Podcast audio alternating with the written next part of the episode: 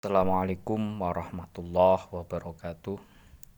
Ala hadiniyah wa ala kulli niyatin sholihah ila hadratina ila hadratin nabiyil mustafa sayyidina Muhammadin sallallahu alaihi wasallam wa ila hadrati abaihi wa ummahatihi wa dzurriyyatihi wa ikhwanihi minan nabiyyin wal mursalin wa ali kullin wa ashabi kullin ajma'in wa syuhada wa sholihin wal awliya aina makanu min masyarikil ardi wa magharibiya khusun Syabdul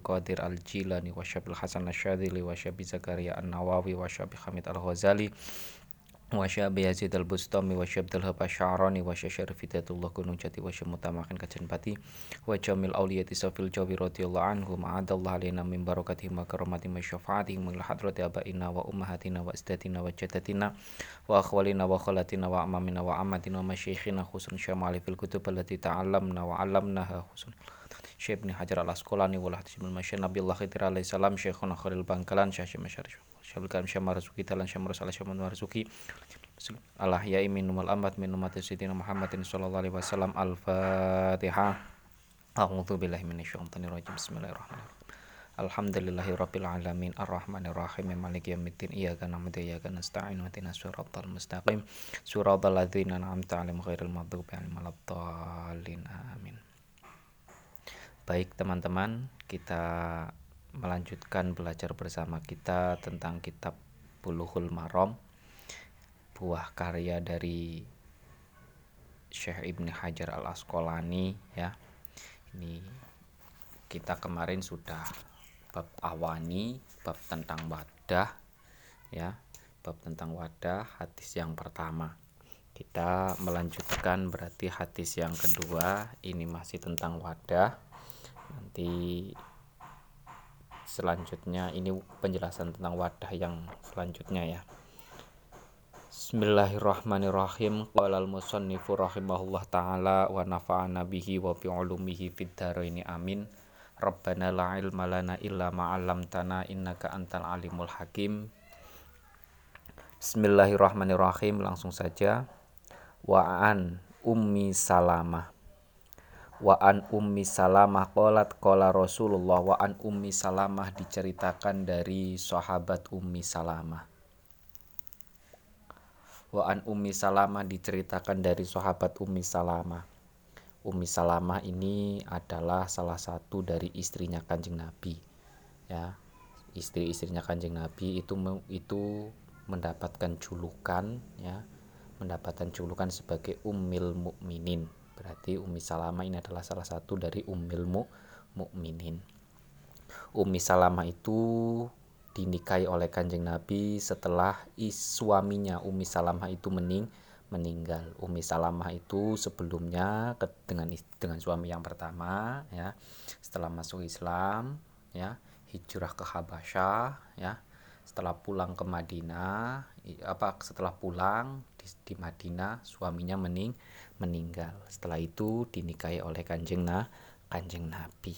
Nah, namanya Umi Salamah adalah Hindun bin Abi Umayyah. Nama aslinya Hindun bin Abi Umayyah.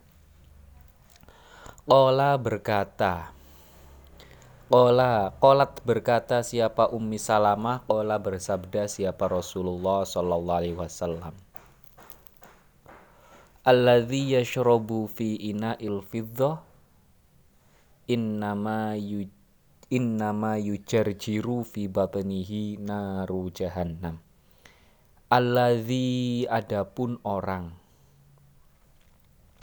alladzi adapun orang yashrobu yang minum yashrobu yang minum fi ina ilfidzoti menggunakan wadah yang terbuat dari perak fi ina fiddoti menggunakan wadah yang terbuat dari perak.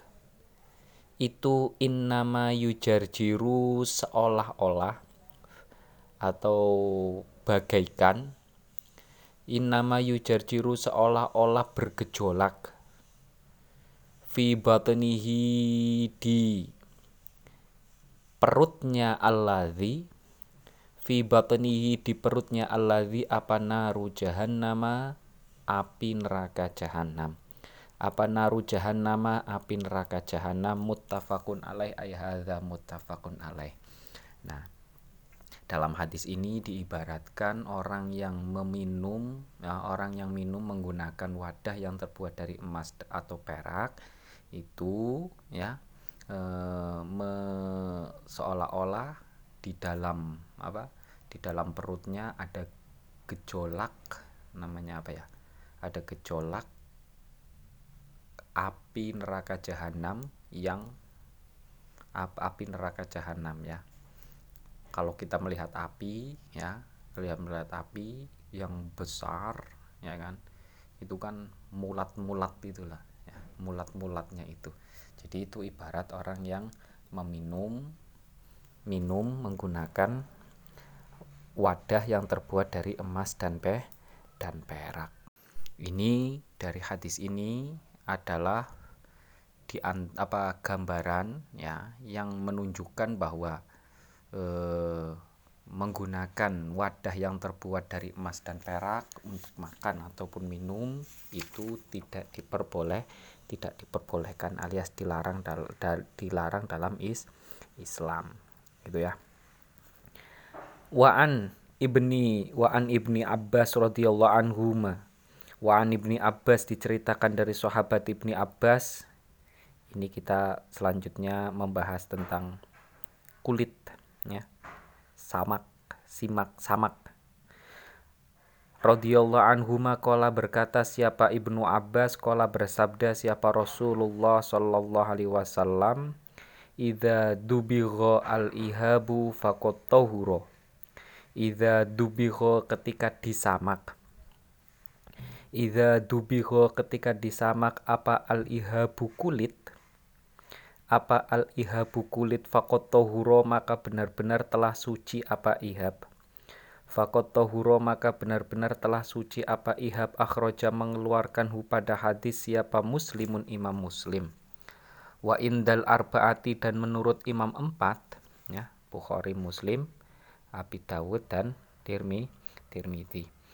Ayyuma ihabin dubiro ayyuma ihabin dubiro menggunakan redaksi ayuma ayuma ihabin dubiho ayuma ibahin ayuma ihabin selama apa atau ketika ketika ayuma ihabin e, kulit apa pun ayuma ayuma ihabin kulit apa pun dubiho yang disamak dubiro yang disamak fakotohuro maka benar-benar telah suci apa ihab. Fakotohuro maka benar-benar telah suci apa ihab. Dalam hadis ini dijelaskan bahwa kulit ya ketika disamak maka status kulitnya akan menjadi su suci kalau suci berarti boleh digunakan untuk ibadah ibadah ya. Nah, hadis ini, hadis yang sesama, hadis yang senada dengan hadis ini itu banyak diriwayatkan ya. Meskipun lafat-lafatnya, teks redaksinya itu berbeda tapi intinya sa sama. Nah, dalam hadis ini itu ada sebabnya ya. Ada sebab kemunculan hadisnya ya. Kemunculan hadisnya di antaranya adalah ketika Kanjeng Nabi lewat ya.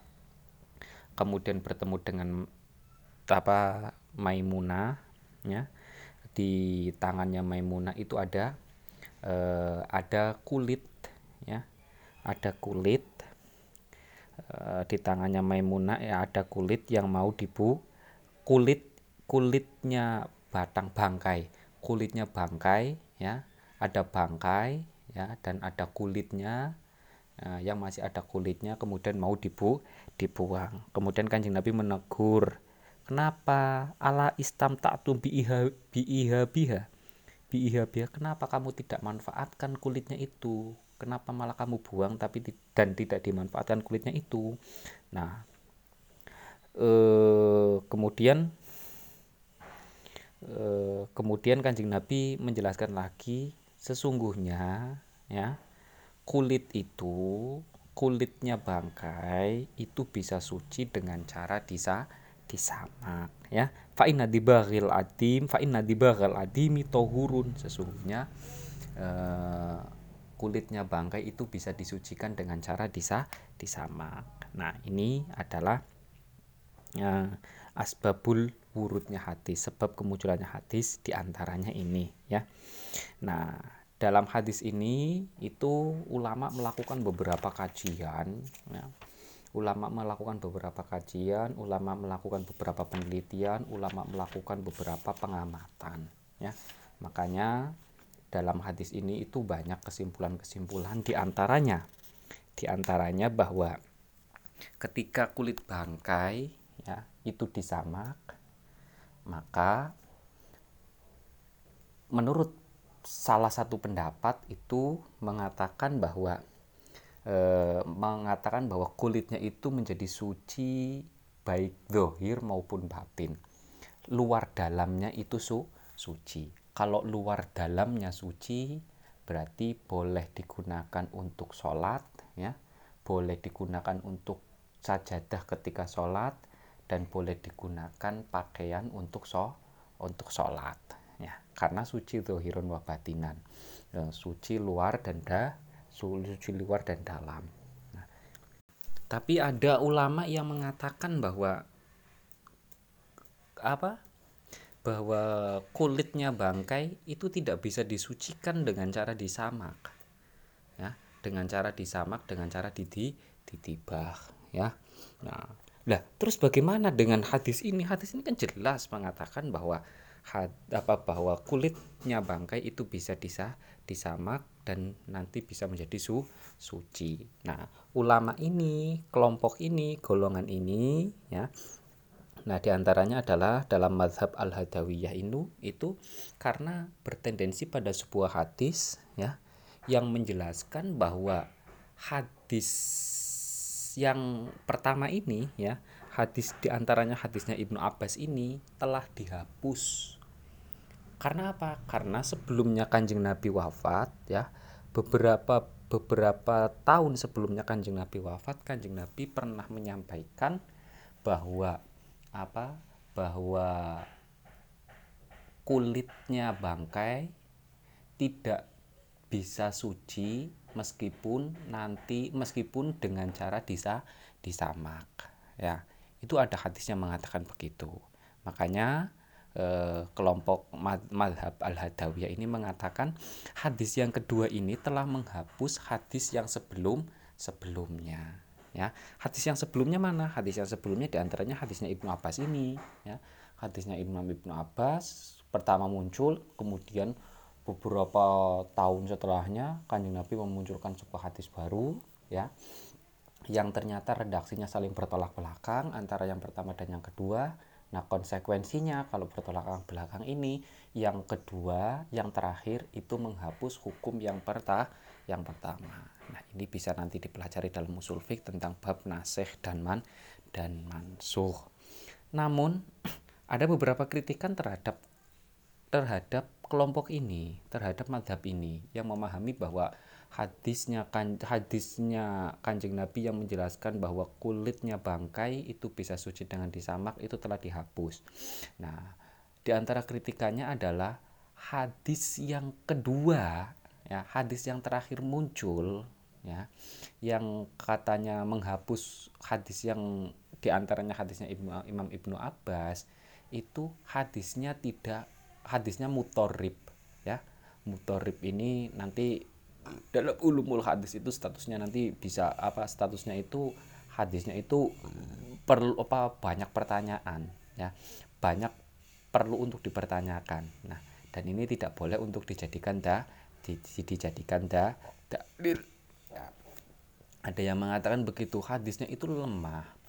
Nah hadisnya lemah sementara hadisnya Imam Ibnu Abbas itu adalah hadisnya ku kuat. Nah, hadis yang lemah tidak bisa menghapus hadis yang ku yang kuat. Karena syaratnya nasih dan mansuh itu minimal adalah setar setara ya. Minimal adalah setara sohi sama sohi ya.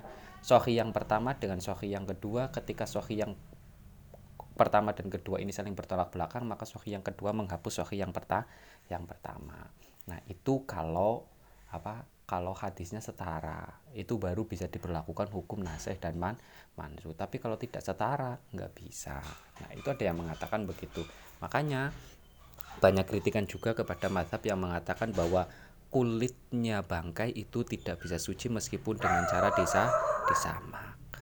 Kemudian dipahami dari hadis ini ada ulama yang memahami bahwa yang bisa apa kulit bangkai yang bisa suci dan dengan cara disamak itu hanya bangkai-bangkai hewan yang bisa dima dimakan. Kambing sapi ya yang tidak bisa dimakan itu tidak bisa disa disamak ya tidak bisa suci dengan cara disa disamak. Ada yang mengatakan juga begitu. Tapi ada yang mengatakan lagi bahwa Arobi huru al jami'u ilal khinzir. Nah, semua kulit bangkai meskipun bisa dimakan, hewannya itu bisa dimakan atau tidak, ya, itu bisa suci dengan cara di disamak kecuali satu yaitu ba babi ya. Kalau babi tidak diperbolehkan karena ini kalau menurut apa kalau menurut Syafi'iyah ya alasannya itu adalah karena rijzun karena babi secara dasarnya sudah nah najis. Makanya apa makanya kulitnya itu tidak bisa suci ya kulitnya tidak bisa suci meskipun dengan cara disah disamak. Itu ada yang mengatakan begitu. Ada yang mengatakan juga di antaranya adalah pendapatnya Imam Az-Zuhri ya. Imam Az-Zuhri bahwa eh,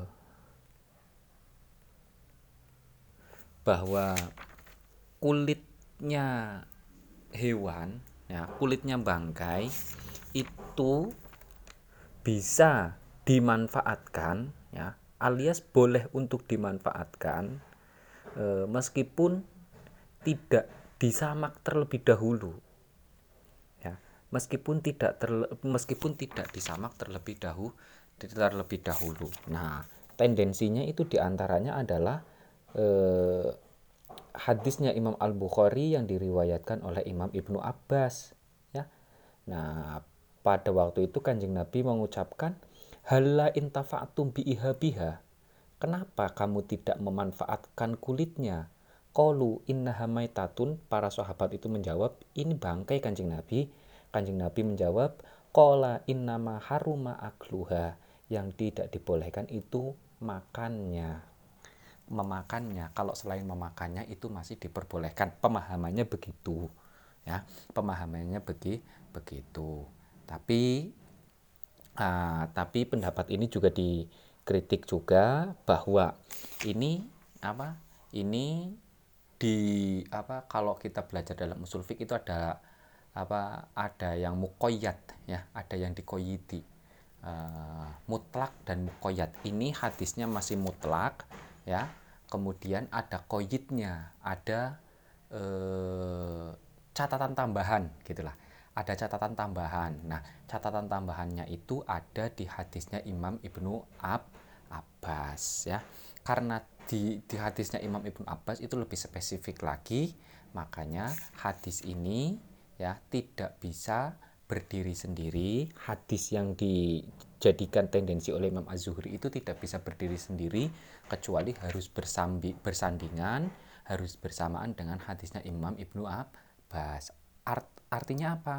Artinya bukan berarti tidak yang tidak boleh itu hanya dimakannya saja selama tidak tidak di apa selama tidak belum disamak maka tidak boleh untuk dimanfaat dimanfaatkan alias tidak suci. Kalau tidak suci, maka tidak boleh di apa di samping tidak boleh dimakan ya, tidak boleh dipakai untuk beribadah beribadah. Itu di antara apa di antara pendapat-pendapat ulama memahami satu hadis ini. Ada ulama lagi yang mengatakan dari hadis ini itu juga eh, kulitnya bangkai yang disamak ya itu hanya suci zohiron labatinan. Secara zohirnya saja suci, tapi batinnya tidak. Secara luarnya suci, tapi dalamnya ti tidak. Konsekuensinya bagaimana pendapat ini?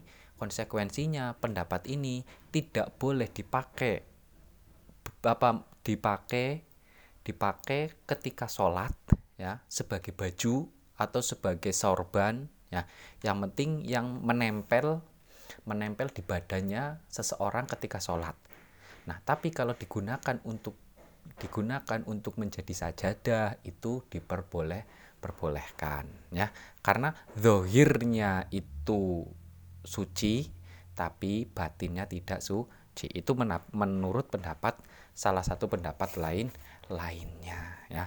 Jadi satu hadis bisa melahirkan beberapa pendah pendapat. Tapi yang jelas satu hadis ini bukan berarti beliau itu hanya melihat satu hadis tidak beliau itu memadukan dengan beberapa hadis yang lain yang senada, yang seirama, yang sete, yang setema, yang menjelaskan tema yang sah, yang sama, ya. Itu dari hadis ini. Selanjutnya Wa'an Salama diceritakan dari sahabat Salama bin Muhabbik Wa'an Salama bin Muhabbik radhiyallahu an Kola berkata siapa salama, kola bersabda siapa Rasulullah Shallallahu Alaihi Wasallam, dibahu juludil maitati, adapun menyamak menyamak kulitnya bangkai. Adapun menyamak kulitnya bangkai itu tohuruha cara mensucikan kulit tersebut. Itu tohuruha cara mensucikan kulit tersebut. Sohaha mensohehkanhu pada hadis siapa Ibnu Hibban Imam Ibnu Hibban. Nah ini masih tentang tibah juga. Nah di lebih spesifik lagi bahwa cara mensucikan ya cara mensucikan kulitnya bangkai itu adalah dengan cara disa disamak. Ini penjelasannya sama dengan eh, hadisnya Imam Ibnu Abbas tadi yang sudah kita bahas sebelumnya gitu ya. Mungkin cukup sekian dulu itu ya. Nanti kita lanjutkan pada sesi selanjutnya pada pertemuan selanjutnya. Semoga apa yang kita pelajari bisa bermanfaat. Alhamdulillahirabbil alamin. Allahumma inna nastauti'uka ma'alam tanah fardut ilaina inda hajatina ilaihi ya rabbal alamin. Kurang lebihnya mohon maaf. Bila taufik wal hidayah. Wassalamualaikum warahmatullahi wabarakatuh